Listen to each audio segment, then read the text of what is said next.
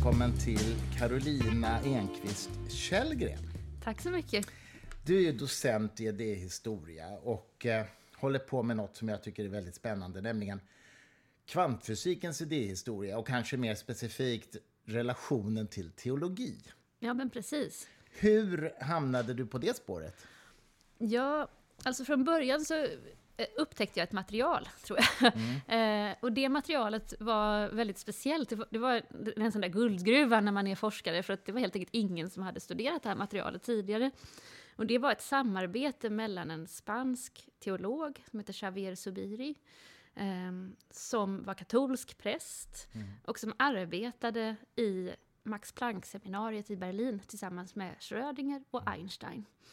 Eh, och jag hittade helt enkelt hans anteckningar från det här samarbetet och deras brev och så till varandra.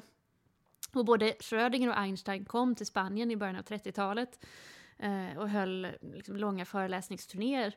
Och då skrev Subiri eh, deras föreläsningar på spanska utifrån eh, väldigt korta liksom, anvisningar som de hade givit. Och eh, inte liksom översatte deras föreläsningar, utan han skrev deras föreläsningar och de tänkte sig att han helt enkelt kunde deras idéer så väl Aha. att han liksom kunde skriva dem själva på ett språk som de alltså inte talade. Um, wow. Men var han, var han naturvetare, denna katolska präst? För, för det finns ju många naturvetare inom den katolska kyrkan. Ja, men precis. Ja, han hade läst både matematik och biologi och fysik. Mm. Eh, men han, vid den här tiden så jobbade han som eh, professor i eh, filosofins historia mm i Madrid. Eh, så han, han, var liksom inte specialist, men han var tillräckligt skolad då för att kunna följa med när de liksom matema diskuterade matematiskt. Mm. Eh, men han var ju kanske mer intresserad av de större... Ja, men dels så kan man ju förstå, liksom, kan man ju se att det finns en matematisk diskussion som kräver att man på ett ganska hög nivå kan eh, liksom, ja, men matematiken som en sorts språk helt ja. enkelt, när man mm. diskuterar kvantfysik. Och vi kan ju bara veta att Einstein kunde inte det själv. Ja. Han behövde ha en, en, matematiker som funkade som hans beräkningsassistent för att kunna eh, beräkna. Men sen finns det ju en annan del av kvantfysiken som handlar om att tänka logiska relationer på olika sätt. Mm. Att förstå logiska sammanhang. Eh, och det kunde eh, Subiri. Ja, jag förstår. Nej, men jag tänker för att katolska kyrkan har ju haft till exempel jesuiten Lemaitre var ju ja. den som ja, så att säga, formulerade Big Bang-teorin första gången. Eh, och, och, och, och, som en teoretisk, jag tror inte att det fanns egentligen några empiriska evidens då alls. De kom senare så att säga. Så att det finns ju en sån tradition menar jag, inom, framförallt bland jesuiterna, men den här mannen var inte jesuit. Va? Han var inte jesuit, utan mm. han var vanlig katolsk präst. Och, och i, i, Spanien vid den här tiden så var det ju väldigt vanligt att i princip alla högre ståndsfamiljer eller bättre bemedlade familjer skickade en av sina söner att bli präster. Mm. Eh, och det innebar ju då att man fick ett prästerskap som hade ganska mycket andra intressen också. Ah, det, eh, det, finns utrymme liksom inom den här eh, teologiska skolningen att intressera sig för väldigt mycket andra grejer mm, mm. Eh, också. Och det som var speciellt också med Spanien vid den här tiden och dess relation till Tyskland, det är ju att efter första världskriget så var ju i princip all handel och samarbete med Tyskland förbjudet. Eh, och det var egentligen inte förrän efter 1925 som det började luckras upp. Mm. Och då var Spanien en av de första och största samarbetspartnerna. Och det var eftersom de inte hade varit kombatanter. De hade inte stridit i första världskriget. Så det var liksom lättare för dem att börja samarbeta.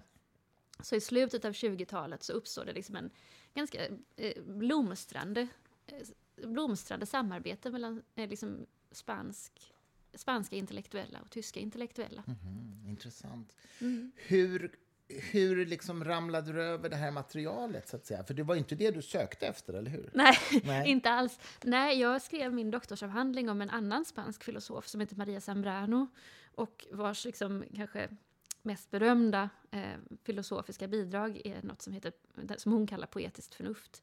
Mm. Eh, och det är också det som är mitt nuvarande stora forskningsprojekt. Men det som var intressant med det här poetiska förnuftet då, som alltså kan låta ganska, möjligen lite flummigt, eh, mm. beroende på var man kommer ifrån, eh, så Eh, det var djupt inspirerat av kvantfysik. Mm. och hon fick sina kvantfysiska eh, liksom läsningar från Xavier Subiri, som var hennes lärare. Så jag stötte helt enkelt på honom via den här eh, kvinnliga filosofen mm. som jag skrev min avhandling om. Eh, och då, det, var, det, är ju liksom en personlig historia, men när jag skrev om henne så hade, fick jag också, under den perioden fick jag också två barn och då var jag föräldraledig i två omgångar. Och då tänkte jag att nu ska jag läsa lite av den här, vad den här Subiri har skrivit. Och då eh, liksom köpte jag hans föreläsningsanteckningar. Och då var det några som handlade om Aristoteles och andra som handlade om kvantfysik. Och det var så fantastiskt. Jag blev liksom slagen av de här föreläsningsanteckningarna, något av det absolut bästa jag hade läst. Eh, ja, men, på spanska läste du På detta? spanska naturligtvis. Finns det översatt till engelska? Eh, Subiri finns bara en bok av honom översatt till engelska och det är hans storverk som heter eh, Om essensen. Eh, och On Essence, heter, och den finns på, på engelska. Men mm. i övrigt så finns det inte på engelska. Eh, men det var så fantastiskt att jag liksom bara kände att jag måste göra något, jag måste läsa mer. Eh, och då stötte jag så småningom på de här anteckningarna då. Eh, innan vi djupdyker i det ämnet så är jag ändå lite nyfiken på vad var det som liksom fick dig att intressera dig för den här sortens idéhistoria överhuvudtaget? Alltså, vad har du, hur, hur växte du upp? Kom det från dina föräldrar? Eller vad, var kom inspirationen ifrån? Hmm. Mm. ja, men jag, jag växte upp i ett hem som var fullt av böcker. Det kan mm. man nog i alla fall säga. Mm. Eh, och jag var också en person, när jag var yngre så var jag en person som inte hade så, alltid så väldigt lätt att liksom relatera till eh, barn runt omkring mig. Och då brukade jag gå till min pappa som var bibliotekarie vid den tidpunkten. Och så brukade jag säga pappa kan du ta fram böcker som jag ska läsa? Och då brukade han ta fram en hel hög med sådär tio böcker som jag liksom slukade då. Mm. Och då var det inte några enkla böcker utan allt ifrån liksom eh, Tolstoj till mm. um, Paulo Freire till ja, men allt, allt som stod i våran uh, bokhylla hemma. Och um, det gjorde också att jag intresserade mig väldigt mycket för frågor om varför. Mm, eh, och ja, men I grunden är jag ju intresserad av frågor om, om verkligheten på något mm. sätt. Eh, och Vad gjorde din mamma? Min mamma var först bibliotekarie och sen blev hon psykolog. Okej. Okay. Mm. Eh, och var växte du upp någonstans? Jag växte upp i Göteborg. Ah. Okej, okay, men så du hittade liksom litteraturen och i viss mån filosofin ganska tidigt, låter det som. Ja, men precis. Jag ville liksom hela tiden... Jag har hela tiden återkommit till frågor om, om vad är det som jag ser omkring mig? Mm. Vad är det som sker? Mm. Och på vilket sätt? Och vad betyder det?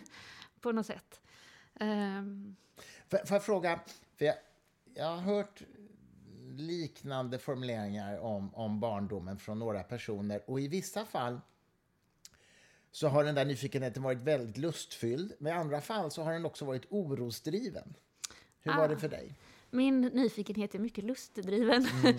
ehm, och också nästan fysiskt lustdriven. Så att när man läser... Det ska sägas då att det här materialet som jag hittade, som, där det alltså är Schrödingers och Subiris och ett antal andra forskares liksom, eh, seminarier eller laboratorieanteckningar. Mm med långa, långa matematiska utläggningar mm. och så korta liksom, kommentarer. Mm. Det är nog det absolut svåraste jag har läst någon gång. Och jag, mm. för jag är ju inte fysiker från början. Men det liksom sätter eld på mig. Jag, blir så, jag, jag får liksom adrenalin, så där som andra kan få när de går ut och springer eller så. Mm. Kroppen brinner och bara vill, vill en sån liksom, lustdriven vilja till att förstå. Det låter underbart. Det är underbart. det är underbart. Jag har världens bästa jobb som möjliggör att man kan få hålla på med detta. Ja, men det brukar jag också säga. Jag har världens bästa jobb att få bokförläggare åt supersmarta människor som kan mycket mer än jag om sina ämnen. Mm. Det är otroligt berikande. Alltså. Ja, så att jag känner igen ja, mig i det där, kan jag säga. Men Eh, Okej, okay. eh, så detta är liksom bakgrunden till att du valde filosofi och idéhistoria kan man säga? Ja, jag började, eh, jag började efter inrådan då från den här pappan som, när jag tänker på det, uppenbarligen har varit väldigt betydelsefull. Ja. Så tyckte han att jag skulle läsa juridik, för då kan man ju åtminstone få ett jobb. Mm, han ja. hade läst först till byggnadsantikvarie och konstaterat att man inte kunde få några jobb. Eh, så då ville han att nu ska du läsa något som gör att du kan få ett jobb. Och så började jag läsa juridik och efter ett år så kände jag bara, gud, det är aldrig någon som besvarar frågan varför. Nej. Om man frågar varför ser lagen ut som den gör, så tittar de på en som att man vore ett ufo. Mm. eh, och det är möjligt att om man hade läst vidare så hade man fått ha den typen av diskussioner. Ja, rättsfilosofi kan Ja, man ju läsa i och för sig. ja. Men jag var inte tillräckligt eh, uthållig för att vänta tills dess, utan då bestämde jag mig för att jag ville läsa något där man kanske kan få svar på frågan varför. Eh, och då tänkte jag idéhistoria. Och så hamnar du i kvantfysiken som ju inte ger några svar alls för att det är ingen Nej. som kan tolka den. Men det är en annan sak. Vi Nej, då blir det bara frågor. Ja, precis. Ja. Det är lite roligt. Ja, okej, och då blev det idéhistoria. Ja, jag förstår, jag förstår. Men du, du hittar då de här anteckningarna. Eh, och då ska vi säga det är alltså Erwin Schrödinger vi talar om som är en av kvantfysikens liksom, förgrundsgestalter. Ja, Och så precis. Einstein förstås då. En kanske osmart fråga, men i vilken form fanns de här anteckningarna? Var det originalpapper? Alltså det låter ju som det är värdefulla grejer. De finns i, ja, alltså det beror på vad man menar, med original. Vid den här tiden så var det väldigt vanligt att man spred den här typen av, att någon tog väldigt utförliga anteckningar och sen så spred man dem mekanografiskt stencilerade så att man, det kan finnas liksom kanske 20 exemplar eller vad- vet jag. Det här är ju tidigt 30-tal så att eh, och ingen av de här personerna kunde ju stanna kvar i Tyskland sen, så att antagligen finns det inte, jag- jag tror kanske att det bara finns, möjligen finns det ett exemplar till eh, av de här. Men är det inte digitaliserat? Nej. Va? Utan de här finns i, eh, de här finns i, just de här anteckningarna finns i Javier Subiri-arkivet som ligger i hans lägenhet i Madrid. Och det är inte digitaliserat alls. Det borde ju göras. Ja, det drivs av en stiftelse som väl inte har så mycket pengar och ja, du vet sådär som det kan vara med filosofistiftelser liksom.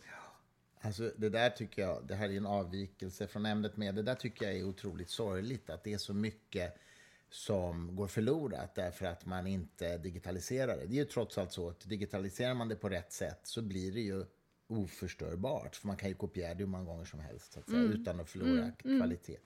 Det, det, det är sorgligt tycker jag. Alltså. Alltså, eh, ganska mycket av, av liksom kvarlåtenskapen från de kvantfysiker som flydde Tyskland, det finns samlat i eh, liksom ett kvantfysiskt arkiv som finns i digitalt format och som förvaras i Köpenhamn på en plats i USA och så finns det eh, på en plats i Spanien också. Och det, möjligen finns det på fler platser, men, men eh, men så, så liksom den stora kvarlåtenskapen finns digitaliserad. Men Xavier Subiri är ju inte en person som har erkänts i kvantfysiska sammanhang. Han var ju liksom teolog och dessutom spansk teolog.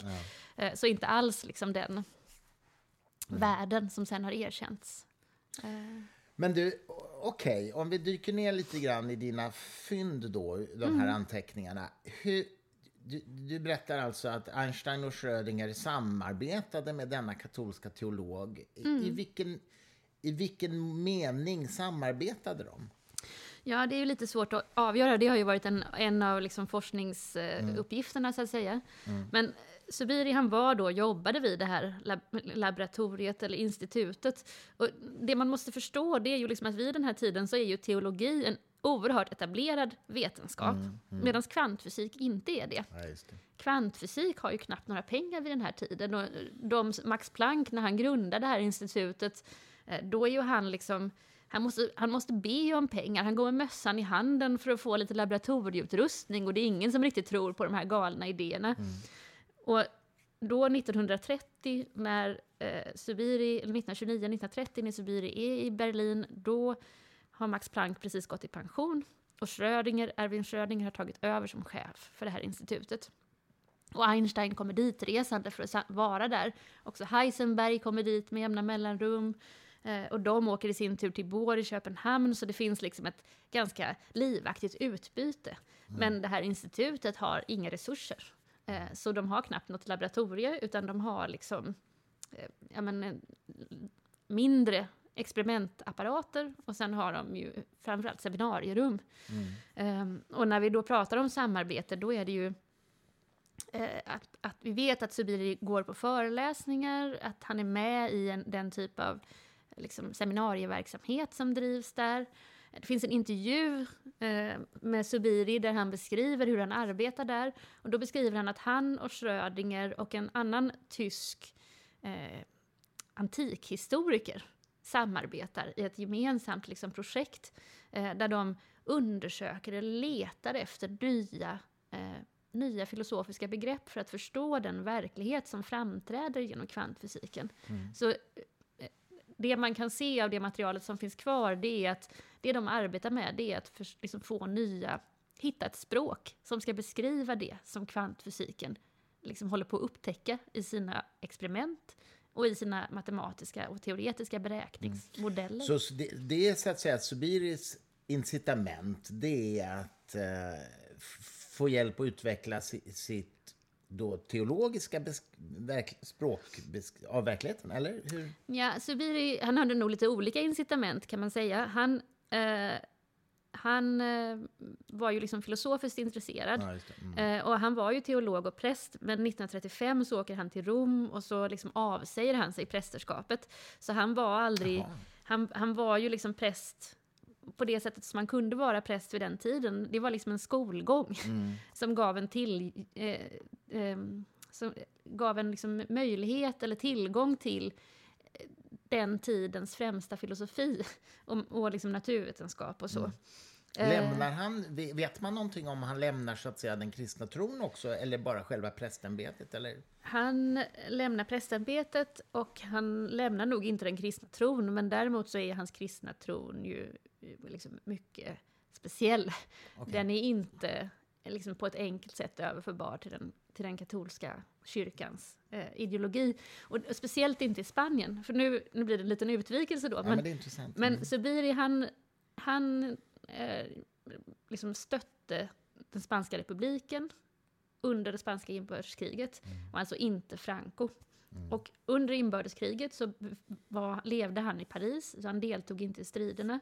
När han kom tillbaka så blev han av den anledningen accepterad i Spanien under Franco-regimen. Men han blev av med sitt jobb och så, och kunde inte undervisa på universitetet för att han var liksom inte tillräckligt acceptabel. Mm. Men eh, den liksom, eh, katolska kyrka som Subiri då förhöll sig till, det var ju den spanska kyrkan. Och den spanska kyrkan den var oändligt mycket mer radikal än vad... Den var liksom, jag menar, Franco var national katolsk fascist kan man säga. Mm, mm. Den var oändligt mycket mer radikal än vad Vatikanen var här, under liksom åren som följde. Så att, du menar den spanska katolska kyrkan menar du var inte frankovänlig? Den var frank, jo, jo, när jag menar radikal så menar jag nationalkatolskt radikal. Den, okay, var, okay, den, den, var den spanska kyrkan var Franco. Ja, Franco ja, var mm. överhuvudet så att säga. Mm. Eh, och alltså högerradikal? Verkligen, hö, mm. mycket mer än Vatikanen. Mm. Mycket mer än Vatikanen. Ja, så ganska många präster vände sig till Vatikanen. En del levde i exil i Vatikanen. Eh, lång utläggning. Men den kyrka som Subiri under majoriteten av sitt liv förhöll sig till, det var Frankokyrkan.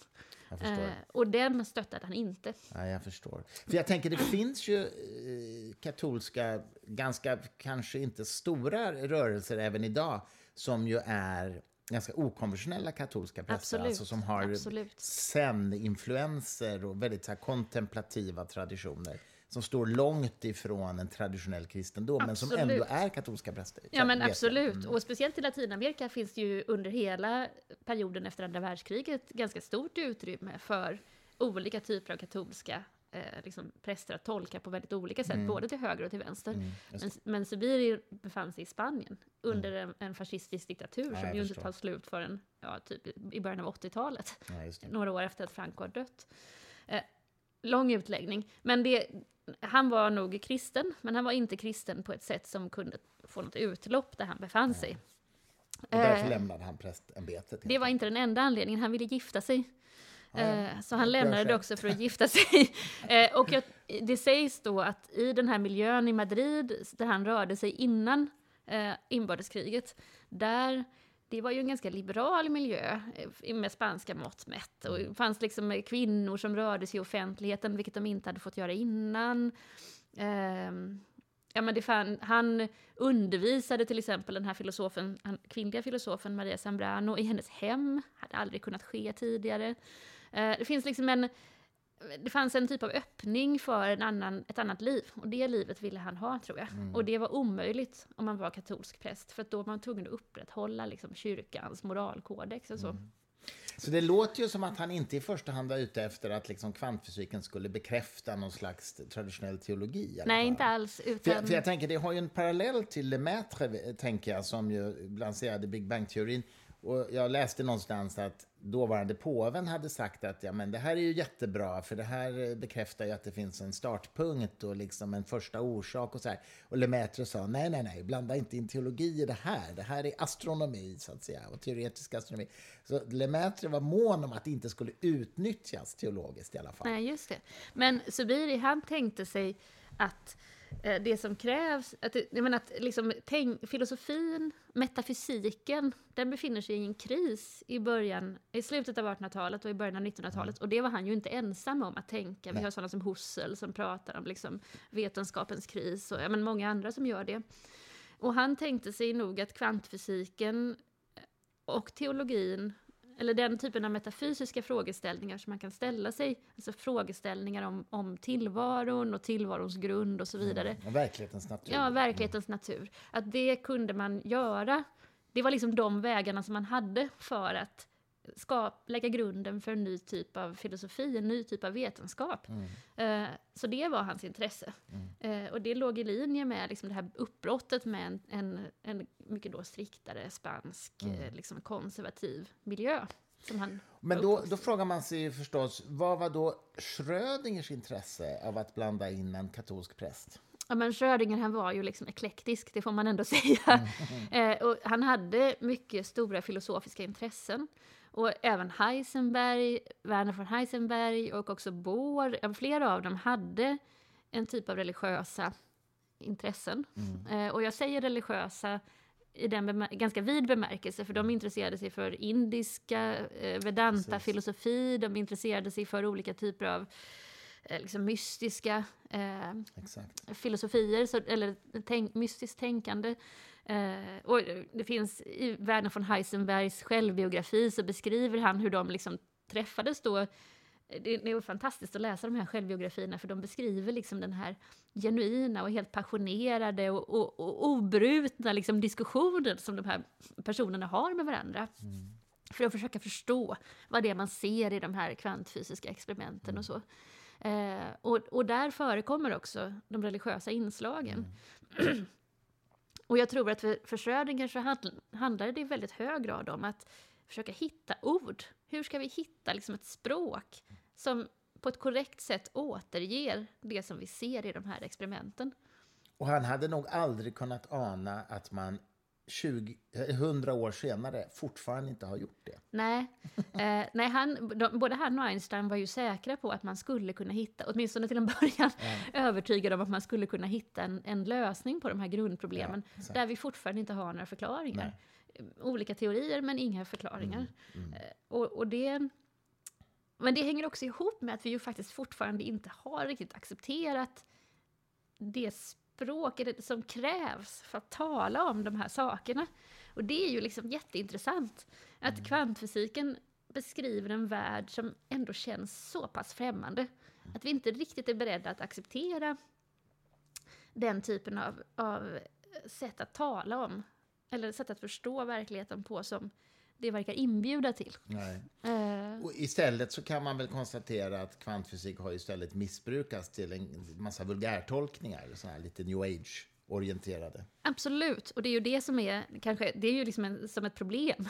Ja. Att, att vi kan inte ta det på allvar därför att det ligger så nära, eh, eller riskerar hela tiden att hamna i den här new age-aktiga eh, totala missbruket av eh, liksom, någon sorts populär kvantfysisk tolkning av världen som att allting är relativt eller mm. allting hänger ihop med allting och, ja, och sådär. Um, Samtidigt så är ju kvantfysik också en av de vetenskapsgrenar som verkligen är mest framgångsrik just nu. Där vi verkligen, mm. där det, har, det, finns en praktisk användning. Ja. Problemet är att vi inte kan förklara vad det är som händer när vi använder det ja. praktiskt. Nej, men det är det som är så paradoxalt tycker jag också, att, att kvantteorin är ju så att säga en av de mest perfekta teorierna i den meningen att vi kan verkligen tillämpa den mm. och vi kan förutse resultaten av mm. experimenten mm. och allting. Allting funkar perfekt, det är bara det att det är helt obegripligt. Vi vet inte varför. Nej. Och Einstein accepterade väl aldrig det här egentligen? Einstein accepterade aldrig det, utan han, sökte ju, han ägnade ju resten av sitt liv åt att försöka söka eh, liksom en, en gemensam förklaring till dels kvantfenomen, eh, eller de olika krafter kan man säga som är involverade i eh, kvantfenomen, men också eh, hur, det, hur det hänger ihop med eh, relativitetsteorierna helt enkelt. Mm. Som liksom inte, på ett, eller inte låter sig förenas. Nej, precis. Um, Upp, uppfattar du Einstein som religiös i någon mening? Jag tror inte att Einstein var religiös, mer än möjligen som någon liksom sådär allmän, ungefär som att alla i Sverige är protestanter. Nej. Ett, Nej, men det är så intressant att du säger det, därför att jag, jag skriver om, om det i min, i min bok också, där, där jag hävdar lite sturskt att det där är ett missbruk av Einstein att säga att han var religiös. Eh, hans brevväxlingar visar ganska tydligt att han till och med blev irriterad på att kallas religiös. Eh, däremot hade han ju en stark, vad ska man säga, känsla av förundran inför universums regelbundenhet och naturlagarnas eh, skönhet, kan man säga. Sådär. Eh, och han använder ju religiösa metaforer ibland. Men jag har alltid upplevt att han, man har liksom lite grann försökt snylta på Einstein från vissa religiösa håll och sa- sagt han var religiös för att man vill gärna det. Mm. ja, men det, det finns ju liksom en... Eftersom debatten mellan vetenskap och religion jag vill också särskilja religion och teologi, ska jag bara säga. Religion, tänker jag, handlar om religiösa övertygelser som man kan ha på olika sätt. Teologi för mig är liksom en universitetsvetenskap som har funnits sedan, sedan medeltiden. Studiet av religion menar du? Nej, utan liksom eh, formulerandet av metafysiska frågeställningar, eller vad man ska säga, och svar. eh, enligt en, ofta ganska strikta logiska strukturer. Ja, Eh, en bra distinktion där. Ja. men, men eh, den här liksom religiösa, det finns ju en debatt mellan en typ av religiös världsåskådning och en väldigt radikal, nu- jag använder radikal mycket har jag i ganska olika bemärkelser, men en ganska liksom strikt vetenskapshållning. Positivistisk. Ja, en typ ja. av väldigt starkt positivistisk. Typ vinkretsen. Ja, och i den, ja inte, in, där skulle man också vilja nyansera lite, men strunt samma. Okej. Eh, eh, men jag tänkte mer en någon sorts sunt förnuft-position, liksom, att det är klart att allt vi ser, eh, är det, det är bara det vi erfar i, liksom, genom att observera som är sant och så vidare. Eh, En liksom mer förenklad eh, positivism. Eh, och där vill ju både de som är religiösa appropriera för sina ändamål, liksom de som, som liksom säger att nej, religion får inte spela någon roll alls. Det finns inget i dem, den typen av tänkandet som är viktigt. Ehm, och då blir ju liksom den här slaget om de här figurerna, upp, eller den, bråket om vad de här figurerna är för någonting, blir ju liksom viktigt bara i, i ljuset av den debatten. Ja, visst, visst. Men, eh, men det du refererar till här är väl egentligen det man brukar kalla för scientism, va? Ja, men precis. Ja, precis. Eh, ja, men precis. En, en typ av liksom, grundläggande föreställning om att det finns ingenting som är sant om vi inte kan mäta det i experiment eller om vi inte kan liksom, ja, sådär. Mm, det, det, där, det tror jag är också en felaktig position. Alltså metafysiska resonemang är ju relevanta, så att säga, utan tvekan. Åtminstone om man ska tro, tro kvantfysiken, för det här är ju en av de frågorna som de, eller en av de positionerna som de i grunden, eller både och, men som de i grunden eh, ifrågasätter. Ehm, Eh, Vad menar du? att, att det liksom är möjligt att förstå observationen på ett, observation eller experiment på ett sånt sätt att det, att det inte spelar någon roll vilken mätutrustning eller vem observatören är, så att säga. Eh, på ett lite förenklat sätt. Men, Men, men jag har förstått av fysiker som jag har talat med att den här tolkningen som var populär på 70-talet kanske, eh, att, att medvetandet är det som förändrar experiment, eller som förändrar verklighetens natur. Det verkar inte vara många fysiker som tror på idag. Att det nej, själva det mänskliga medvetandet så att säga interfererar med experimentet. nej, alltså det beror ju på vad man menar när man säger det. Eh, Okej, berätta. Jo, men för att om man med det menar att det är en... Låt oss... Egentligen skulle man vilja börja någon annanstans. Ja, Får ja, gör, göra gör det? Ja, ja, gör det. Ja, men för att det som är... Det som liksom sker då i de här experimenten som liksom lägger grunden för de kvantfysiska frågeställningarna, eh, det är ju liksom att man i de här experimenten ser en massa saker som inte stämmer med den verklighetsuppfattning som man haft tidigare och som huvudsakligen har varit atomistisk. Man har tänkt sig att verkligheten består av atomer och vid den här tiden kan man ju då studera atomer.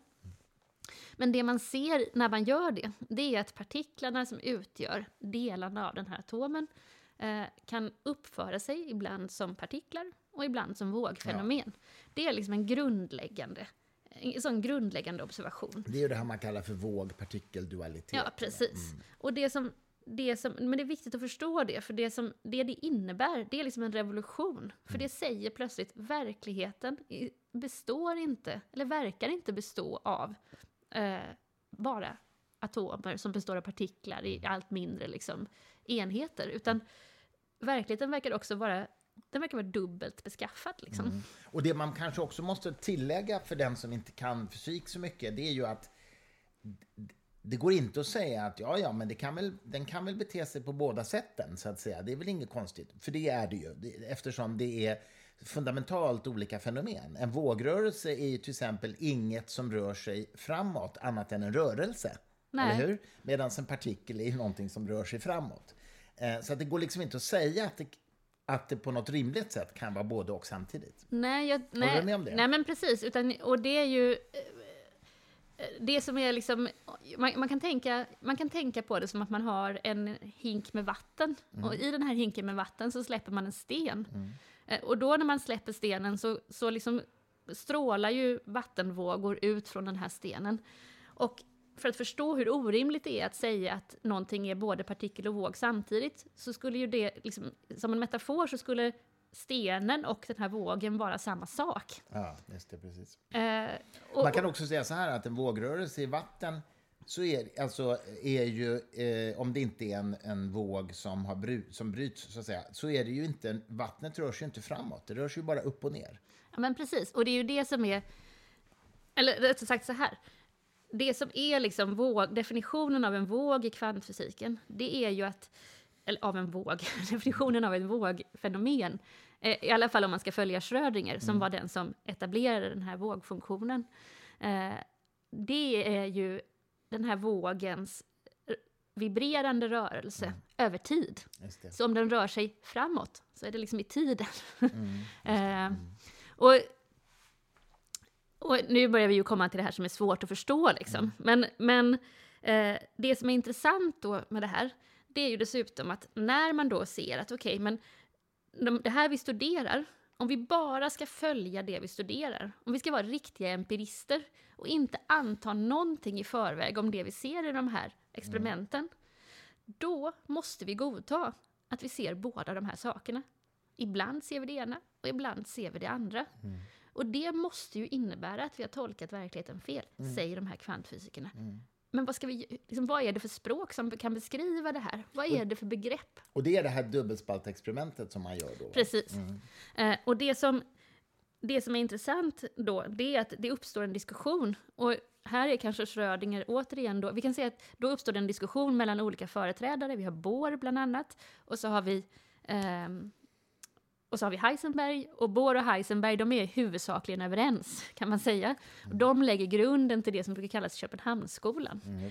Eh, och där säger de helt enkelt så här att ja, vi får godta att världen är på de här två sätten samtidigt och att de inte liksom kan vara det. Men när vi då studerar en partikel som ibland beter sig som en våg, då eh, kommer vi kunna prata om en partikel i bemärkelsen att när, den här, när vi studerar den här vågen, då, då får vi en massa sannolika eh, positioner som den här partikeln skulle kunna vara i. Och de sannolika positionerna, det är liksom det stati statistiska uttrycket för den här partikeln. Så på så sätt får de ihop de här två. Eh, kvantfysik blir en statistisk vetenskap. Och det eh, säger eh, Schrödinger är inte tillfredsställande. Han vill att man ska kunna prata om det ena eller det andra. Han vill liksom att det ska finnas en verklighet som är på ett visst sätt. Men du, skulle du säga att Heisenberg och Bohr i någon mening var influerade av den här vinkretsen positivismen och sa att vi, vi kan inte göra några metafysiska antaganden här utan det är bara shut up and calculate liksom. Men det gällde både Schrödinger, Bohr och Heisenberg och de var inspirerade av Ernst Mach. Ernst Mach hade sagt så här, vi, ska liksom, vi kan inte godta några metafysiska slutsatser, som in, utan vi måste alltid börja liksom i Empirin. och beskriva vad vi ser i empirin. Men då sa Bohr, Bohr och Heisenberg sa, ja men vi måste godta att de här två sakerna syns samtidigt. Eh, och så måste vi, hittar vi liksom en teoretisk lösning, statistik, som eh, gör att vi ändå kan beräkna och, och som gör att vi ändå kan liksom, använda oss av det som vi ser i de här experimenten. Och det ska sägas att det har ju varit oerhört framgångsrikt för under väldigt, väldigt lång tid, egentligen ända fram, fram till 80-90-talet, när man börjar eh, kunna experimentera med en del av de teorier som Schrödinger eh, liksom utformar på 30-talet. Mm. Alltså den här eh, kvant... Vad heter det? Entang- Entanglement. Ja, sammanflätning. Eh, sammanflätningen, Mm. Det blev ju förra årets Nobelpris. Ja, men precis. Det är ju teorier som Schrödinger initierar Mm. 30, 1935.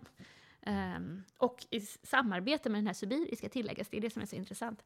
Det ska vi prata mer om sen Ja, kanske. ja. Mm. Men, men eh, det jag skulle säga var i alla fall att, att Bohrs och Heisenbergs position, det är den som blir liksom den ledande. Och den är också mycket, mycket då eh, beräkningsbar. Vi kan använda den för att beräkna med ganska hög säkerhet en massa saker. Mm.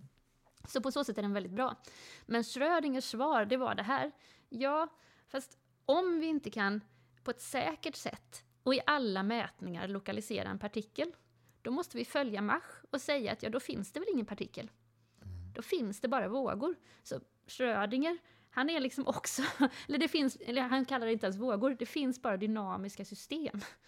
Eh, och Men det viktiga är väl att säga där att Schrödinger menade ju då att det faktum att, att vi inte kan lokalisera partikeln, det är inte ett epistemologiskt problem utan ett ontologiskt problem. Det är inte en kunskapsbrist, praktisk kunskapsbrist hos oss, utan det är Nej. en, en, en faktisk em, egenskap hos verkligheten. Ja, precis. Han följde ju då precis Ernst Mach också. Ja. Eh, och sa på samma sätt, det är bara det som vi kan observera som ska låta styra vad vi drar för slutsatser. förstå. Mm. Och vi kan inte på något säkert sätt observera en partikel. Om vi gör en mätning vid vilken vi hittar en partikel och sen så gör vi andra mätningar så att vi får det här statistiska molnet av möjliga positioner. Om vi då väljer en av de möjliga positionerna och säger här är partikeln, Mm. då finns det inget sätt för oss, säger Schrödinger, att veta att det är samma partikel som den som vi studerade vid den första mätningen. Mm. Vi kan inte på något säkert sätt studera partiklar. Därför bör vi, i enlighet med den här strikta positivismen, Mm. dra slutsatsen att det, inte, att det inte finns några partiklar. Jag förstår. Mm. Så att de kommer helt enkelt till olika slutsatser utifrån en likartad, väldigt stark tilltro till att det man ser i experiment ska leda hur man tolkar. Vad sa Einstein om detta då? Einstein, han hade ju liksom utvecklat en hel teori. Eh, för det här är den andra delen kan man säga av det som ligger i bakgrunden till eh, att man, som, det som möjliggör kvantfysiken som vetenskap och också relativitetsteorin. Einstein, han hade ju utvecklat relativitetsteorin baserat på andra människors experiment. Och in, han gjorde inga egna experiment. Och han var inte heller tillräckligt duktig matematiker för att kunna beräkna liksom, på ett eh, koherent sätt eh, de teorier som han formulerade. Ehm, utan han förhöll sig till en annan typ av tradition. Och den hade också med positivismen att göra. Den hade blivit stark under slutet av eh, eh, under slutet av 1800-talet. För under slutet av 1800-talet så kommer man att ifrågasätta objektivitet så som den finns, eller syns i experiment. Okej. Så vi har dels de som är väldigt starka, positivisterna som är väldigt starka experimentförespråkare. Men vi har också andra eh, som börjar ifrågasätta eh, experimentens eh, legitimitet. Vad Eller, var det för några? Liksom? de brukar kallas logiska positivister. Okej. Eh, och det är en mängd figurer som eh, på olika sätt börjar eh, säga att ja, men om man tittar på vetenskapens utveckling under 1800-talet, Mm. då kan vi konstatera att det som för tio år sedan var sant, det är inte det längre. Utan det vi Eller såg, det man trodde var sant. det man trodde var sant, Mm. det är inte det längre. Det man såg i experimenten för tio år sedan, det är inte längre, eh, det, är inte längre det man ser i experimenten. Och det beror på att apparaterna utvecklas så snabbt. Mm. Eh, Så vi måste liksom sätta det vi ser i experimenten lite inom parentes och istället söka efter logiska sanningar, som eller teoretiska sanningar som ligger bakom det vi ser i experimenten. Eh, Och det möjliggjorde också då att, man, att matematik Eh, och en typ av teoretiska eller logiska diskussioner kom att få ganska stor, ganska stor liksom, um, eller det fanns ett, öppnade ett rum för en typ av logiska resonemang och matematiska beräkningar. Heisenberg till exempel, han är ju liksom jätteintressant figur i det sammanhanget för att han, han hade läst eh, en massa matematik och han hade läst, liksom, var insatt i de fysiska diskussionerna och han hade tillgång till en mängd experiment. Men den typ av den här osäkerhetsprincipen som han utvecklar, den utvecklar han under två veckor när han sitter med papper och penna på helt liksom världsfrånvänd eh, på liksom en, en ö. Helgoland. Ja, Helgoland, mm. dit han har eh, liksom dragit sig undan för att han är så himla allergisk. Eh, och det är, ju, det är ju liksom, han står inte ut med pollen då, så att han är på den här ön där det inte finns så mycket pollen, och där sitter han och bara räknar och räknar och räknar, och så kommer han fram till den här eh, det som brukar kallas matrismekanik, där han, som är, liksom är grunden för den här osäkerhetsprincipen. Så det finns liksom å ena sidan en väldigt stark tilltro till att man måste ta på allvar det man ser i experimenten, och det leder liksom till att man måste söka sanningar i, en, i ett teoretiserande snarare mm. än i det man ser. För där man, finns det liksom inga förklaringsmodeller. Ja, det. Så det finns den här dubbla rörelsen mellan stark tilltro till experiment och å andra sidan en öppning för att sanning kan ligga i liksom teoretiska sammanhang bortom det som syns i experimenten. Eh, eller hur? Ja, oerhört intressant. eh, och det är ju det är liksom förutsättningarna för eh, den här väldigt snabba kvantfysiska utvecklingen, det kan man ju ha med sig när man tänker på vilka förutsättningar vi borde ha idag för vetenskapen. Vi behöver förutsättningar som ger pengar till experiment och vi behöver förutsättningar som ger pengar till tankeutrymme, ja. till teoretiserande. Vi kan inte liksom sluta finansiera teoretiserande. skulle vara min Eh, mina det är din five forskningspolitiska Precis. maxim. Mina five pence när det gäller forskningspolitiken. Mm. Men, ja, ja. Men det är bra. Det är bra. Mm. Eh, ja, men du frågade, det var inte där vi började, utan det var ju i den här frågan om... Eh, Medvetandet Medvetande, precis, och medvetandet idag. Ja, men för det som sker då i de här experimenten, det är ju att man, när man börjar diskutera de här experimenten, det är att man börjar inse att mätinstrumenten, eller hur man väljer att mäta, spelar roll för utfallet.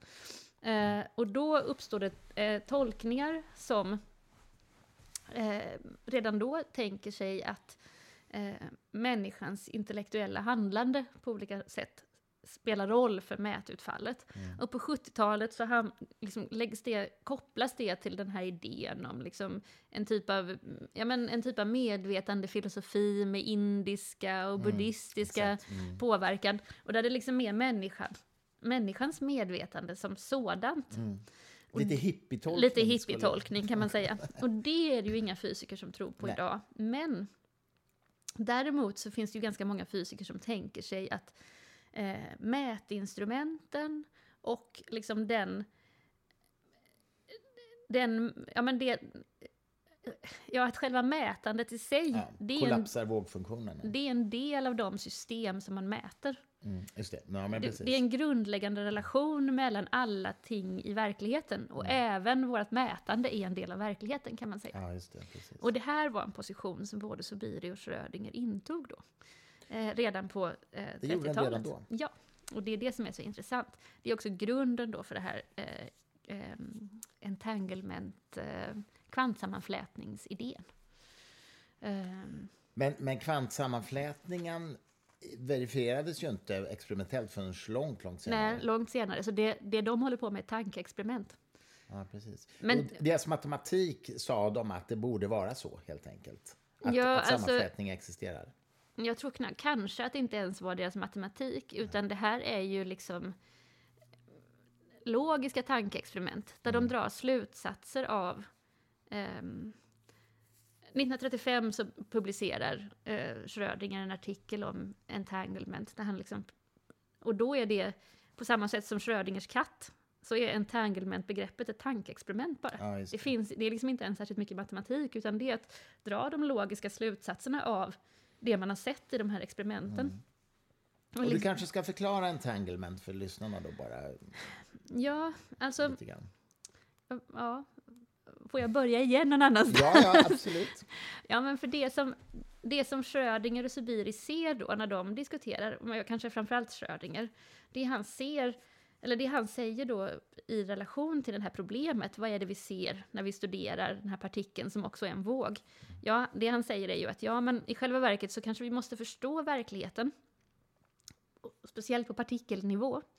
För det ska ju sägas att kvantfysik beskriver ju fenomen handlar i hög grad om fenomen som är väldigt små Mm. och fenomen som är väldigt stora. Och däremellan så kan vi liksom nöja oss med eh, euklidisk fysik, alltså den föregående fysiken. Mm. Fysik, den är ja. Mm. tillräckligt sanningsenlig för att den ska vara giltig. Eh, men på väldigt små områden och på väldigt stora områden så behöver vi en annan fysik Mm. som, som beskriver vad som händer. Det är ju lite grann som relativitetsteorin där man kan säga att Newtons mekanik var ju en approximation som Ja, funkar i precis. normala hastigheter och i normala gravitationer. Precis. Det är, lite, li- det är analogt på något Ja, sätt. men det, är- det är precis analogt. Ja. Mm. Eh, och det som, det, som, eh, det som man då pratar om när man pratar om de här grundläggande ste, grundstenarna av verkligheten, det är ju liksom hur partiklar beter sig och, och så. Och idag är det ännu mindre partiklar än de som Schrödinger kände till, ska tilläggas. Men, men eh, eh, då hävdar han helt enkelt att om vi liksom ska ta den här vågfenomenet på allvar, då måste vi kanske förstå verkligheten som eh, dynamiska system som består av eh, våg, vågsystem där alla möjliga tillstånd är relaterade till varandra. Och, och för att förstå det här, då kan man igen tänka på den här hinken. Och så kan man tänka på stenen som man kastar i och så de här vågorna. Vågorna går ut i hinken och när de gör det så vibrerar de så det finns en vågtopp och en vågdal. Vattnet rör sig upp och ner. Precis, och det, så det finns liksom en frekvens, eller vad man ska säga, en vågtopp och en vågdal. Och sen finns det alla möjliga tillstånd emellan dem. Ja, just det. Eh, och det eh, Schrödinger säger, det är helt enkelt att det här som vi tror är en partikel, det är egentligen ett system som i varje ögonblick är i alla de här möjliga tillstånden samtidigt. Utan att de här tillstånden sam, sam, faller samman och blir liksom en enda sak. Så han säger, okej, men om vi, om vi tar det här på allvar, då är verkligheten bestående av en ja, oändlig mängd sådana här eh, vibrerande system. Eh, och i de här vibrerande systemen ingår det, säger Schrödinger, dessutom potentiella tillstånd, alltså sådana som vi i den här mätningen inte kan observera. Det är jätteintressant liksom. Eh, Det betyder inte att vi aldrig kan observera dem, men i just den här mätningen kan vi aldrig observera alla möjliga tillstånd. Men vi måste ändå anta att verkligheten, den här partikeln, som- det, det är ju inte partikeln, men den här liksom enheten som vi observerar, eh, som vi tidigare har tänkt på som en partikel, att den nu är det här systemet som inbegriper alla möjliga tillstånd, inklusive sådana som vi inte kan observera. Ehm, och då, eh, det här kallas ju superimposition, eller sup, superposition helt enkelt. Mm. Ehm, och då eh, eh, blir ju förstås frågan, vad är gränserna för det här systemet? Och det var en av de stora frågorna som Subiri och Schrödinger diskuterade tillsammans. Eh, och hur förhåller sig det här systemet stabilt? För att vi pratar ju om partiklar, men jag menar, våran verklighet består ju av oändlig mängd partiklar. Liksom. ja. Så hur, hur, var är gränserna för det här systemet? Och på vilket sätt ehm, liksom, håller det sig stabilt? Vad är det som gör att det håller sig stabilt? Och de här frågorna kan vi ju fortfarande inte riktigt besvara. Nej. Eh, men men man, Schrödinger försökte, och Subiri försökte, och Einstein försökte på olika sätt. Vad är gränserna för de här fälten, eller de här systemen? Liksom? Och hur hänger de ihop? Hur interagerar de? Och det är ju det som är liksom, den frågan som är bakgrunden till det här sammanflätningsbegreppet. Hur interagerar de här systemen? Och på, på vilket sätt ehm, liksom, ehm, på vilket sätt ehm, kan man, kan man tala om en begränsning? Och då, det som är då ehm, både den här kattmetaforen och det här sammanflätningsbegreppet, det är ju försök att liksom eh, förstå logiskt när, varför och när ett visst system liksom eh, vad det är som sker när vi mäter. För när vi mäter så, så bestämmer vi på något sätt positionerna i ett visst system. Och det kan inte längre innehålla alla potentiella möjligheter. Vi får det här sannolikhetsmolnet. Ehm, det är det som är att vågfunktionen kollapsar, som man brukar Ja, säga. det. vi bestämmer systemet, så det är inte längre alla potentiella möjligheter. Och när det gäller Schrödingers katt, som ju, som ju är liksom en metafor, där finns katten i en låda.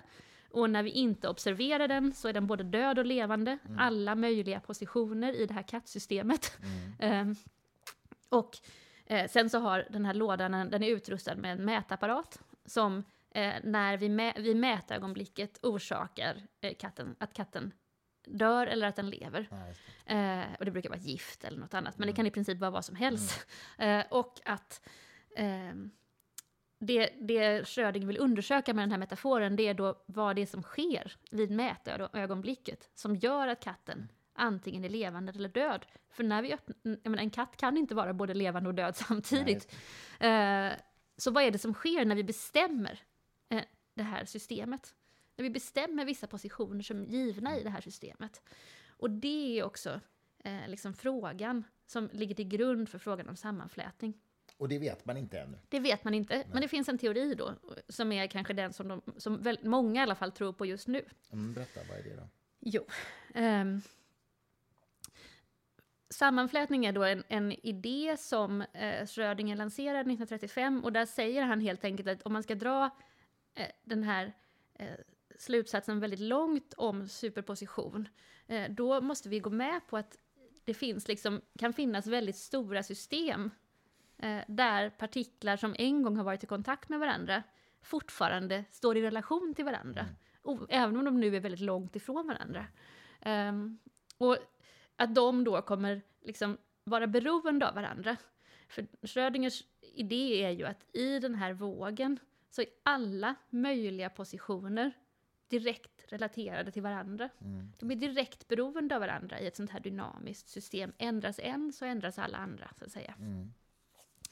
Eh, och då säger han, ja men partiklar som har varit i kontakt med varandra kan, eh, de bör ju fortfarande ingå i den här teorin. Om man drar det här till sin logiska konsekvens så bör de fortfarande ingå i samma system. I samma vågfunktion. Ja, vad är det som begränsar vågen liksom? Det är ju den grundläggande frågan. Vad är det som begränsar systemet? Ehm, och det måste ju innebära att de är direkt beroende av varandra, även om de befinner sig på enorma avstånd. Och det säger han som ett tankeexperiment. Mm. De måste vara sammanflätade på något sätt. Och det går det inte här Einstein systemet. med på. Ehm, nej, han, det som Einstein liksom är intresserad av det är ju att eh, liksom få, ha, en, ha deterministiska förklaringsmodeller som, där man inte kan liksom ha eh, saker som påverkar varandra på väldigt långa avstånd och så, utan han vill liksom att den här idén om gravitation och rummets och tidens krökning och så vidare, det är ju ändå en sorts kausala förklarings... Alltså där lokala saker påverkar varandra. Så han tänk, den här teorin passar ju inte alls med det som Einstein... Einsteins grundläggande utgångspunkt, det går inte att få ihop det. Nej, Liksom. Ehm, och det som är... Det som händer då sen, det är ju att den här idén om sammanflätning, den faller i princip helt i glömska. Och sen är det mycket senare, eh, på 80 och 90-talet, som man börjar experimentera. Och då kan man konstatera i experiment att partiklar som vid ett tillfälle har varit eh, i kontakt med varandra, de eh, står i direkt relation till varandra, även om de är på väldigt långa Ja, avstånd. precis. Ehm, Och det är ju Anton Seilinger bland annat. Seilinger och, en, och, och Bell, som Och är Bell två, som före, ja. två liksom de stora. Och Seilinger är han som gör de här experimenten, Ja, där han kan visa det här. Och, och Bell, han, han gör den teoretiska liksom, beräkningen som, som ändå stö, understödjer att det här måste stämma. Mm, det. Och eh, det som är... Det, alltså det, så då, på 80 och 90-talet kan man konstatera att det här liksom, att det måste vara på det här sättet. Mm. Eh, och sen börjar man experimentera med den här tekniken och det är ju det som gör att vi idag har de här prototyperna till kvantdatorer. Eh, för det, och då är ju egentligen inte liksom problemet att, att försöka förstå hur de här eh, hänger ihop, hur de här, att, hur de här partiklarna är sammanflätande eller varför de är det, utan man utgår helt enkelt ifrån att de är det. Och då är problemet hur man kan hålla de här enorma systemen stabila, Mm. så att de ska fortsätta vara sammanflätande. Eh, det är liksom det stora problemet. Och det är ju egentligen ett problem som motsvarar att hålla Schrödingers katt vid liv och död samtidigt. Mm. Hur ska man hålla det här dynamiska systemet liksom vibrerande så att alla möjliga positioner vibrerande är ju faktiskt en metafor här. Ja. Men jag måste verkligen säga det. Men, för, för, att det annars låter det new age. Ja, ja annars låter det new age. Mm. Det är en metafor för att beskriva det som liksom är en teoretisk beräkning. Ja, mm. Eh, men hur ska vi hålla alla de här liksom, positionerna i relation till varandra mm. utan att det här systemet kollapsar. Mm. Det är det problemet som kvantdatorerna brottas med nu. Mm. Inte att de är sammanflätade. Nej. Men att de är sammanflätade, det kan man utgå ifrån. Varför? Det vet vi inte. Det finns då en teori, som var det jag sa, och det är väl kanske den teorin som de flesta är överens om. Och det är helt enkelt att, låt oss säga att vi har eh, en partikel i Stockholm och sen har vi en partikel någon annanstans i, eh, vad vet jag, på månen? Ja, på månen, eller Pretoria kanske. Mm, något. Mm. Ja, på månen. Eh, nej, på månen är inte så bra, för där har vi ingen som sitter. Men i, okay. i New York då. Vi har mm. en partikel i New York och så har vi en i Stockholm. Och de har vid något tillfälle varit i kontakt med varandra. Mm. Och då, eller stått i relation till varandra. Eh, då eh, då liksom uppstår det här eh, fenomenet att när den ena partikeln liksom bestäms till, en viss, till ett visst tillstånd. Mm. Låt oss säga olika färger till mm. exempel, rött och grönt. Så eh, den här partikeln bestäms till rött. En partikel kan ju inte bestämmas till rött, men det är ju för att beskriva ett mm. tillstånd. Metafor. Ja, en mm. metafor igen. Eh, när en partikel beskrivs, bestäms till röd på en plats, så kommer partikeln eh, i New York, så kommer partikeln i Stockholm också att bestämmas till röd. Mm. Och då är det ju inte så att de här partiklarna kommunicerar.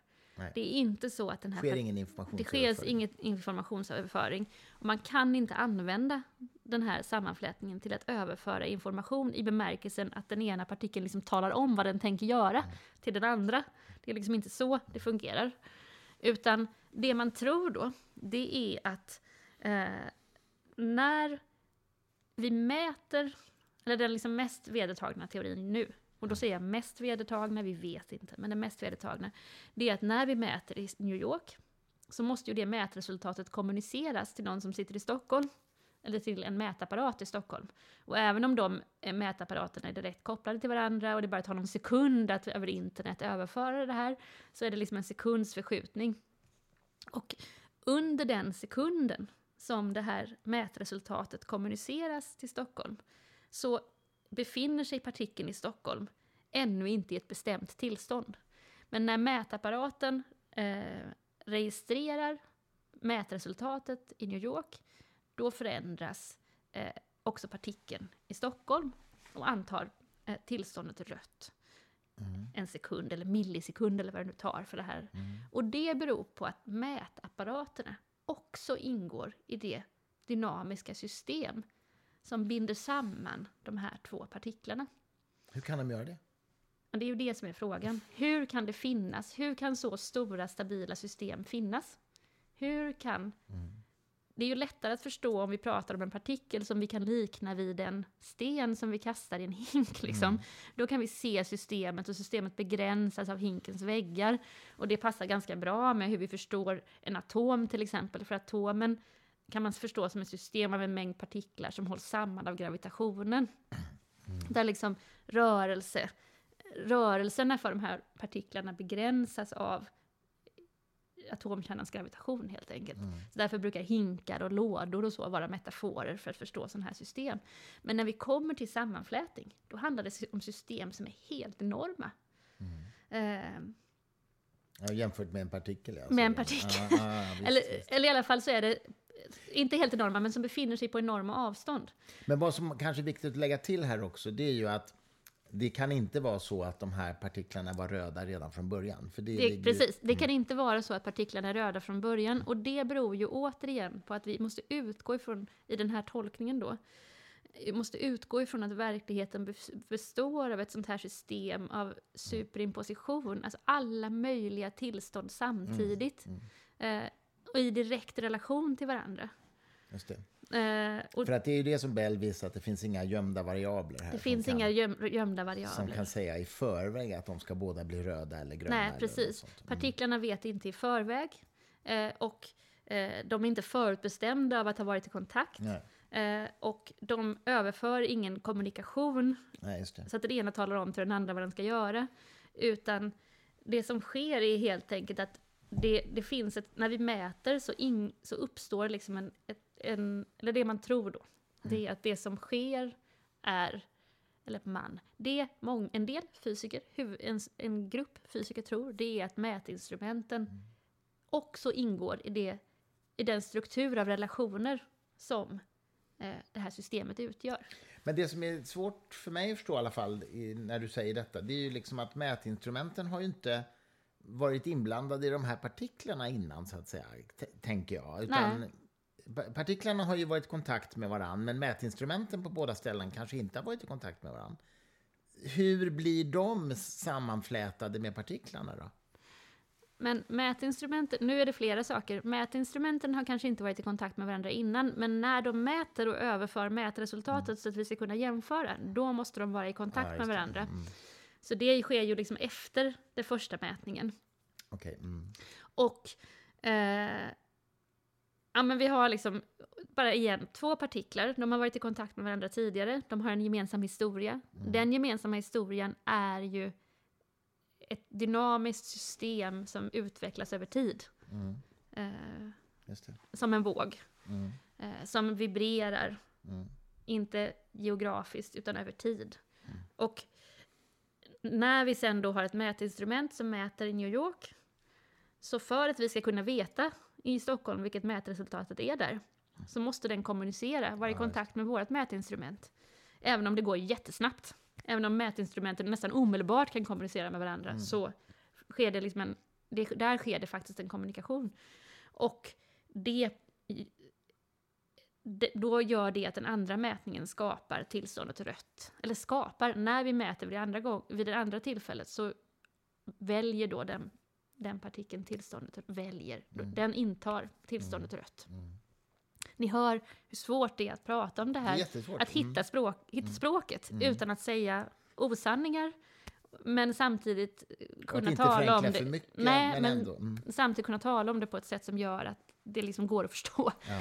Och då, um, och, och det som liksom det som sker, eller det som är antagandet då, det är ju att mätinstrumentet när det mäter påverkar det det mäter. Det ingår i den dynamiska struktur som det mäter. Mm.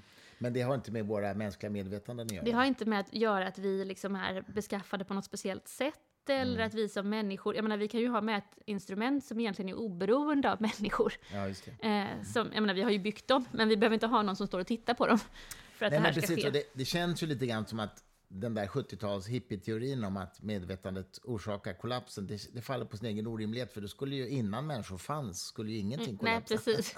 Och så är det ju inte alls, utan det, man skulle ju här mycket väl, eller man, menar, följden av det här är ju att eh, den här typen av sammanflätningar sker hela tiden. Det är en grundbyggsten i hur ver verkligheten är beskaffad, därför att eh, alla möjliga system relaterar ju hela tiden till någonting annat som liksom ja, mäter det, eller erfar, erfar är ju inte heller rätt, men kommunicera. Jag vet inte vilket ord vi ska... Vi kan, välja, vi kan välja flera. Mäta, erfara, kommunicera, som alla här betyder samma sak, nämligen egentligen att relatera till. Mm. Och inget mer. Det Nej, betyder ingenting mer än det. Nej. Um, Men du, om man går tillbaks till vår eh, katolska präst här, ja. då, vad bidrog han då med ja. i det här? Så att säga? Det är ju det som är så himla intressant. Mm, det måste du berätta. Jo, men för det som hände då, det var att eh, Sibiri, han var det som jag kan följa i det här materialet, mm. får man ju säga, för när man studerar historia då följer man ju bara spåren ja, av någonting det. som har hänt. Mm. Eh, man har ju liksom inget fullständigt eh, empiriskt material tillgängligt. Men det som eh, man kan sluta sig till då, det är att han jobbar ju där i det här laboratoriet och sen bjuder han och eh, några väldigt viktiga akademiker i Spanien in både Schrödinger och Einstein och de föreläser vid olika konferenser i Spanien. Mm. Och där framträder både Subiri och Schrödinger. Eh, och Schrödinger han presenterar de här problemen som vi har pratat om här. Mätbarhetsproblemet och liksom frågan om objektivitet och vad det är när mätinstrumenten influerar. Eh, och sen så försöker han på olika sätt, han presenterar den här idén om att liksom, eh, i själva verket är verkligheten ett dynamiskt, eller inte bara ett, utan mängden av samverkande dynamiska system. Där eh, vi inte liksom riktigt ännu har förstått hur, hur mätningen ingår i de här systemen. Där ungefär stannar han. Mm. Och det som Subiri bidrar med, det är jätteintressant, för han håller då ett antal föreläsningar vid samma tillfälle, eller samma tillfällen, där han diskuterar eh, filosofihistorien, det var ju hans professur, ja, filosofihistorien utifrån den nya vetenskapen. Och då vänder han sig till Aquino, eh, nej, till Thomas av Aquino, till Aristoteles, till Duns Scotus och till Hegel, ja. eh, bland annat. Och så använder han sig av dem för att försöka liksom eh, ge ett svar på det här helt enkelt. Mm. Eh, de här problemen som Schrödinger liksom formulerar. Eh, och då, det är ju jätteintressant, för att det som både Schrödinger och Einstein letar efter, det är ju en typ av grundprinciper som håller samman, i Schrödingers fall, de här dynamiska systemen, eh, och i Einsteins fall, de här olika kraftfälten som han liksom har identifierat, identifierat i linje med liksom sammankopplingen mellan, eh, ele eh, till elektromagnetism som man först såg som två krafter och sen liksom kunde sammanföra. Eh, och eh, det, de här grundprinciperna, de kan man ju liksom inte observera. De, kan mm. man inte, de kunde de vid den här tiden inte hitta, så de liksom försöker ju hitta sätt att tänka på det här som inte går att observera. Mm. Och det är ju liksom teologin experter på. För de har ju ägnat ja, men, hur många hundra år som helst åt att försöka bevisa existensen och tänka logiskt kring existensen av Gud som mm. vi inte kan observera. Mm, hur ska man förstå det? Och Duns Scotus är ju liksom en sån författare till exempel som håller på med ett gudsbevis som handlar om liksom den negativa relationen mellan tillvaron och, och Gud. Att vi kan liksom aldrig närma oss Gud. Utan Vad hette han sa du? Duns Scotus. Okay. Mm. Ehm, ja, och det... Och Aquino har ju också ett antal gudsbevis som handlar om att människan liksom är en analogi till Gud på olika sätt. Mm. Eh, där det alltså handlar om att verkligheten som vi ser omkring oss, den är i sig eh, på lite olika sätt och hos Aquino och Duns Scotus, det spelar ingen roll, vi kan sammanföra de här och säga att eh, verkligheten i den här teologiska tolkningen, den är liksom tecknet på att Gud finns. Den är beviset på att Gud finns som negation eller som analogi. Och det här använder sig Subiri av för att försöka förstå då eh, hur system begränsas mm. och hur eh, system hänger ihop på olika sätt.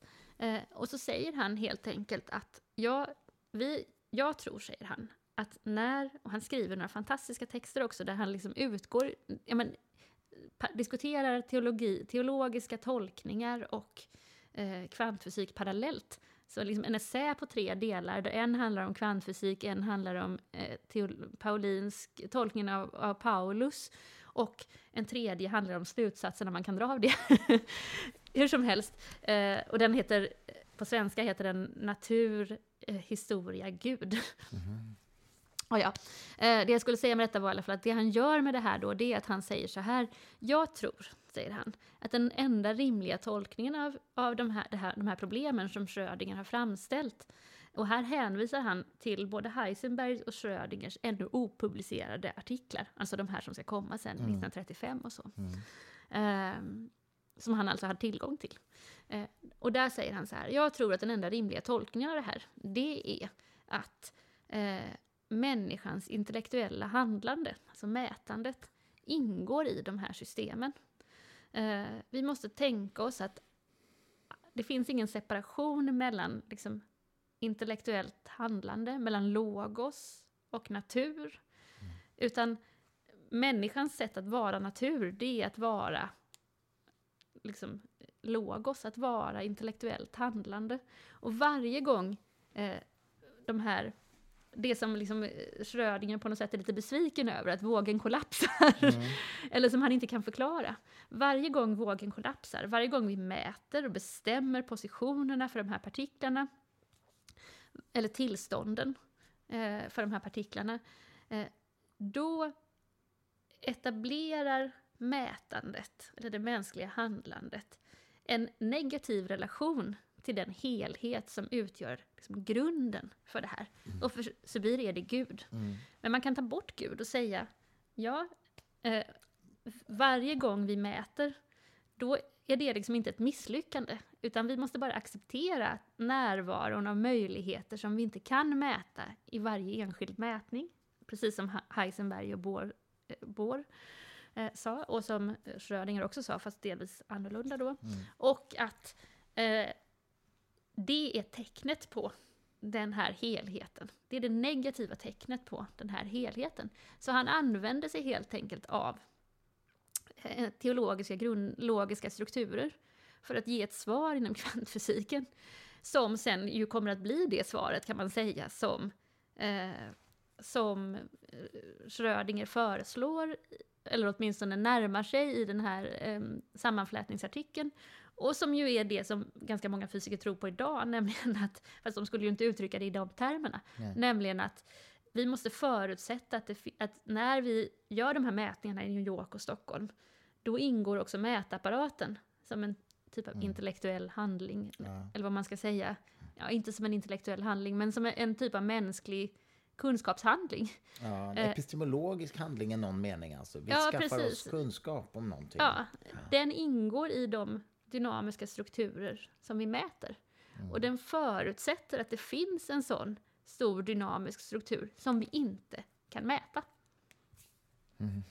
Så här ser vi liksom hur Subiri genom att vända sig till den klassiska teologiska metafysiken eh, ger svar, eller antyder, ja, ger svar, möjliga svar som sen kommer att utvecklas inom eh, kvantfysiken som en speciell, eh, liksom mycket, mycket specialiserad vetenskap. Och utan egentligen att de här, jag menar, Seilinger och Bell, de, de kände ju inte till Subiri. Nej. Men han var liksom med och formulerade det, de, det svar som Schrödinger sen publicerade 1935. Han, han ger, ger dem ett slags språkapparat kan man han, säga? Ja, han ger dem, jag brukar tänka på det som tankeexperiment eller mm. modell, liksom logiska modeller. Mm. Han kommer med en logisk modell eh, som möjliggör liksom en väg framåt i tolkningen. Och sen, jag menar, i, i Schrödingers text så står det ju inte tack Xavier Subiri, utan det är ju fortfarande väldigt olika discipliner. Men det finns till exempel brev där Schrödinger liksom tackar Subiri för att han har pekat ut det här vara-begreppet. Mm. Som är det här helhetsbegreppet då, som liksom ligger underligger, eller som, som måste ligga under eh, det som vi ser vid varje, eh, vid varje mätning. Och det som liksom är intressant då, det är ju att om, eh, om ehm, Schrödinger och Heisenberg och Bohr också då delvis var upptagna med misslyckandet att mäta allt vid mm. varje enskild mätögonblick. Mm. Um, för det var ju Heisenberg, det här att det går inte att mäta läge och hastighet samtidigt. Nej, precis. Mm. Och, och jag menar när, när... För att de inte finns samtidigt. Nej, men precis. Eller ja, vi måste liksom välja mätinstrument mm. när vi mäter. Mm. Antingen, eh, antingen momentum eller eh, tillstånd. Mm. Och det är för att de inte är definierade heller? Nej, de är inte, när den ena är definierad så är den andra odefinierad. Ja, exakt. Så det är inte, än en gång, det är inte bara ett kunskaps, praktiskt kunskapsproblem, utan nej, det är ett ontologiskt problem. Det är ett mm. ontologiskt problem. Mm. Eller rättare sagt, det är bara ett kunskapsproblem om vi förväntar oss att det ska vara på ett annat sätt. Ja, ja okej. Okay. Mm. Eh. Mm. Och, och, och, och då... Eh, men det var ju liksom ett... Jag menar, Bohr, han säger ja, ja, men vi tar statistiken och så är det tillräcklig kunskap. Men även han går ju med på att vi inte kan Mm. Vi kan liksom inte mäta allt samtidigt. Och Schrödinger går ju också med på att vi inte kan mäta allt samtidigt, för det är det som innebär att vågfunktionen kollapsar. All, de, alla möjligheter i det här dynamiska systemet eh, positioneras, eller vad man ska säga, i vissa givna tillstånd när vi mäter. Mm. Och eh, men för dem var det ett problem, för de utgick ifrån en syn på verkligheten där man ska kunna beskriva den fullständigt, mm. och ville det. Eh, och det som Subiri säger då, det är så här, nej, för varje gång som vi mäter, det är inte ett problem. Vi ska inte se det som ett problem, för varje gång som vi mäter så aktualiserar det den grundläggande relationaliteten som finns mellan, eh, mellan oss som liksom mätare, mellan mätinstrumenten och eh, det, de delar av liksom verkligheten som vi mäter vid det tillfället, det aktualiserar liksom helheten som en negation. Mm. eh, och det är en modell som han får ifrån den teologiska diskussionen. Säger han det själv i sina texter, att han har fått det av honom? Schrödinger, ja. han säger inte det i sina publicerade texter, Nej. men i de här breven som han ja. skickar till Subiri så tackar han honom. Ja, det. Det eh, för mm. att han har fått honom att, han skriver faktiskt nästan ordagrant så här, Tack för att du i våra samtal eh, har visat mig att det inte handlar, att den grundläggande frågan inte handlar om, eh, inte, inte är att diskutera handlande eller eh, observation, utan är vara-frågan, den här mm. helhetsfrågan och mm. hur vi ska förstå den. Och det är precis den frågan som också då diskuteras i de här laboratorieanteckningarna som mm. eh, Subiri har med sig hem. Eh, och det är ju den frågan som liksom ligger till grund för eh, den här eh, sammanflätningsdiskussionen. Hur ska vi förstå helheten av det här systemet mm. med superimpositioner och vad som sker när det bestäms, i det ögonblick som tillstånd bestäms. Det är ju lätt att förstå varför de på den här tiden också hade en dragning till Vedanta och den typen ja, av filosofier faktiskt. Ja, det är klart, för det är ju det här helhetsbegreppet ja. som ligger och spökar. Mm. Hur ska vi förstå relationen mellan individ och helhet? Ja, precis. Um, och, och den, det, som, det jag verkligen, verkligen, verkligen tycker är intressant här, det är liksom att även om inte den teologiska, jag menar Duns Scotus idéer om Gud, de är ju liksom inte så intressanta här. Utan det är en viss typ av metafysisk eller ganska logiskt raffinerad, abstrakt modell mm. som man kan ta från den teologiska diskussionen mm. och föra in och sen liksom om, omvandla till eh, kvantfysiska... Ja, precis. Nej, men precis. Jag, jag tänker liksom att gudsbegreppet förknippas ju oftast med någon form av agens och intentionalitet. Mm, och sådär. Mm. Det behövs ju inte egentligen i det här sammanhanget. Nej, inte alls. Men däremot så kan man ändå låna eh, den begreppsapparaten ifrån teologin. Men mm, liksom, mm, eller håller du med mig att man kan säga så? Ja, men det kan man. Däremot så är det ju så att Schrödinger sen, han blir ju liksom lite både han och Einstein blir ju liksom lite... De, de misslyckas ju med att formulera de här liksom ja. grundläggande principerna som de söker efter. Och i de sena föreläsningarna som Schrödinger håller um, och anledningen till att jag huvudsakligen refererar till hans föreläsningar och inte så mycket till hans sena böcker, det är för att de sena böckerna i väldigt hög grad är mer nästan lite populärfilosofiska, mm. eh, så att säga. Schrödingers menar du? Ja, Schrödingers. Ja, What is life? Ja, men exempel. till exempel. Mm.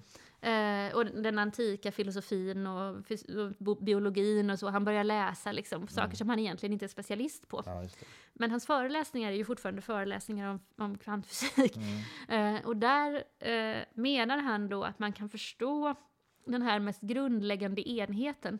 Den kallar han eh, tid genom intellekt i de här sena föreläsningarna. Och eh, hos Subiri hittar vi en liknande sån här eh, funktion, funktionsbegrepp som ska beskriva den här absoluta helheten av dynamiska system. Då. Mm. Och där talar han om det som funktionernas funktion, eller mm. funktionalitet i sig. Um, mm. Och, och försök, de, det, all, båda de här uttrycken är ju liksom försök att beskriva negativt eh, den här helheten som liksom inte går att observera som man bara kan sluta sig till genom att se, genom att liksom se eller studera vågfunktioner i specifika fall, mm. så att säga. Eh, och, men i den här formuleringen som eh, Schrödinger har då på 50-talet, eh, då... Eh, där... Ehm, ehm, där är det, beskriver han den här yttersta funktionen som intellekt genom tid genom intellekt. Och då är ju intellekt liksom något nästan som en gudsposition, är min tolkning. En mm. sorts allmän, eh, liksom... Eh, jag menar, ja, eller kanske ett väldigt, väldigt brett logosbegrepp helt enkelt. Ah, okay. mm. Att naturen liksom är um, meningsskapande i någon väldigt bred bemärkelse. Mm. Uh, så där närmar han ju sig de här positionerna, eller det är möjligt i alla fall det är inte om, man kan förstå varför man på 70-talet tolkar det här som liksom människans medvetande ja, eller något det, annat. slags supermedvetande. Ja, precis. Mm. Det är liksom inte omöjligt att göra en sån tolkning. Mm. Eh, eftersom det finns i de här, även hos de, speciellt hos Schrödinger då, mm. i liksom slutet av hans liv. Jag vet ju att sen em, en av hans efterföljare var ju David Bohm Mm. som ju hade sin egen tolkning väl utav det här. Men han hade ju dialoger med Krishnamurti till exempel. Ja, men Den här, precis. eh, den här filosofen får man väl kalla honom som ändå hade en slags österländsk eh, ja, filosofisk tradition kom han ifrån. Ja, alltså nu pratar vi ju om det här ändå på ett sånt sätt att det låter som att vi ändå har kommit framåt i förklaringsmodeller av de här fenomenen. Och det har vi ju på, men det har formulerats många olika förklaringar till hur de här olika fenomenen hänger ihop. Men man är ju fortfarande inte överens och det är ju Nej. fortfarande så att eh, vi inte vet. Nej. Utan, och, Det finns där, ju även väldigt spekulativa som Everetts många världar. Ja, men precis. Ja, men precis. Och den, den tolkningen innebär ju helt enkelt att eh, Everetts tolkning innebär ju helt enkelt att om vi förstår världen som alla de här, eller de, som liksom de här oändliga struk- mängden dynamiska system som alla i sig liksom hela tiden är ett tillstånd av, av alla sina möjligheter. Eh, då tänker sig Everett helt enkelt att det finns en värld för varje sån, Ja, det. sånt möjligt tillstånd i en sån eh, Och varje gång vi får en sån här kollaps så, så delas världen upp i två Precis. verkligheter, eller flera verkligheter. Ja. precis. Eh, Det känns ju lite extremt. ja, det är ju extremt. Det är ju extremt på ett sätt, men föreställningen att till exempel, en annan föreställning då som är närmare Schrödingers där man tänker sig att eh, liksom den verkligheten som vi erfar också inbegriper virtuella tillstånd, alltså möjliga tillstånd som vi inte kan observera. Den är ju också ganska extrem. Jo, förvisso. Ehm, I alla fall i relation till hur vi liksom beter oss till vardags. Det är möjligt att trappan inte finns när jag ska ta steget eller vad det nu Ja, kan ja, vara. ja. Men, men tänker du ändå när det gäller entanglement att, att vi nog måste bara ac- acceptera att, vi in, att, att ge upp lokalitet så att säga? Att det här med att någonting finns på en speciell plats, det, det, det måste vi släppa. För att entanglement finns ju där, vi vet ju det. Ehm, Alltså när det gäller kvantpartiklar. när det gäller liksom kvantfenomen Ja. Så tänker jag det. Mm. det Ja. Mm. för det är så oerhört framgångsrikt. Vi, jag menar, kvantdatorer visar ju att vi också faktiskt i Att det princip. Ja. ja, vi kan ju inte riktigt använda oss av kvantdatorer. Vi är ju liksom inte där. Men det går ju att experimentellt liksom fram, ja, men få, alltså skapa de här tillstånden nu. Ja, exakt. Eh, Mm, det vet vi. Ja. Det vet vi. Mm. Så, så ja. Men jag menar, nej när det gäller ting i verkligheten så som vi upplever den. Det är väl det som är det här vanliga liksom, kategorifelet. Ja. Att man tar de här fenomenen och försöker man applicera dem på den klassiska världen. Det är ju det här new age-missbruket. som- Ja, visst. Alltså det som är intressant med just kvantdatorer, eller, för man kan ju tänka så här, om man tänker så här, vi, vi går med på att det finns en uppdelning av de erfarenheter som är på partikelnivå, som, där kvantfenomen liksom är giltiga, eller vad man ska säga, där vi kan erfara kvantfenomen, och den verklighet som vi lever i till vardags, där eh, liksom de här relationerna är så oändligt många att, att vi liksom inte kan se de här störningseffekterna Ja, eh, som gör att vi blir uppmärksamma på kvantfenomen. Eh, utan då, menar, boken ligger ju där den ligger och vi kan förutsätta att tröskeln finns och att, ja men alla de här sakerna som liksom... men det som är intressant med kvantdatorer, det är ju att det är ju instrument som håller på att närma de två världarna till varandra. Därför att om vi kan använda kvantdatorerna till att eh, överföra information, och då menar jag ju inte att de pratar med varandra, utan att vi liksom eh, kan förmedla saker via de här Och göra beräkningar som Göra vis- inte beräkningar. går med klassiska dat- datorer. Ja, men precis. Alltså att vi, ja men precis, att vi kan, eh, att vi liksom kan använda oss av eh, det här signalsystemet, som man kan säga att det är, när en partikel antar en viss, ett visst tillstånd och en annan partikel antar ett annat. Det är nog kanske snarare det det handlar om, än, än information då. Information i termer av signalsystem. Ja. Mm. Eh, om vi kan använda oss av det, då kan vi beräkna saker som har betydelse för den här verkligheten som vi lever i. Som vi kan använda i den Och det verkligheten är en som vi länk på något sätt. Det är en länk, ja, Mm. precis. Därför är ju de jag menar, helt värda Nobelpriset. Jätteintressant, ett jätteintressant fenomen som närmar de här två världarna. Jag talade häromdagen med en professor i USA som, är, som forskar på kvantdatorer just. Mm. Och han, han sa, vilket jag tycker var så intressant, han sa också att även här finns det då massa missförstånd i populärkulturen. Till exempel finns det ganska många beräkningsproblem som kvantdatorer marginellt gör marginellt snabbare. Det är liksom ingen större skillnad. Men det finns en speciell kategori av beräkningar som kvantdatorer gör nästan till oändligt, metaphorically speaking, men extremt mycket snabbare och effektivare än alla klassiska datorer någonsin kommer att kunna göra. Men det är en väldigt speciell typ av matematiska problem. Så att det kommer inte gå att tillämpa på kanske mycket av det som vi gärna skulle önska. Men det kommer gå på vissa grejer. Förklarade han för mig. Mm. Jag, kan inte, jag kan inte redogöra för det bättre än så. Men det, det var intressant i alla fall. Nej men så är det säkert. Jag menar, det- stämmer alldeles säkert. Eh, och, och, ehm, men det är liksom det närmaste vi kommer Ja, ja, visst, att se den här relationen mellan ehm, Den märkliga världen och vår vanliga värld. Ja, men precis. Mm. Ehm, att det ändå kan liksom ha betydelse för det, det vi kan göra i den här världen, så att säga. Du, en sista fråga. Vi, Ja. vi ska avrunda. Eh, men eh, eh, tror du då, om du gör en framtidsspaning, tror du att vi kommer att få en slags ontologisk förståelse för kvantvärlden som vi, som vi någon gång kommer liksom känna så här, okej, nu känns det rimligt det här. Nu, nu har vi vant oss vid att tänka på verkligheten på det här sättet och nu, nu känns det liksom intuitivt acceptabelt. Eller kommer vi aldrig det, tror du? Alltså jag är ju historiker, så jag kan ju bara konstatera att genom historien så har man ju liksom gjort olika mm, vetandets genombrott som har inneburit förändringar i, ontologiska ställningstaganden. Eh, och det tror jag alldeles säkert kommer hända med kvantfysiken också. Eh, vi kommer komma fram till eh, en förståelse av vad kvantfysiken innebär. Den förståelsen kommer ju inte att vara för evigt. Eh, för genom historien så förändras ontologiska ställningstaganden och tolkningar utifrån vad vi eh, liksom erfar, utifrån eh, vår andra behov som vi har. Eh, så, så som historiker så är jag övertygad om att vi kommer att få förklaringar och att de förklaringarna antagligen inte kommer att vara fullständiga. Nej.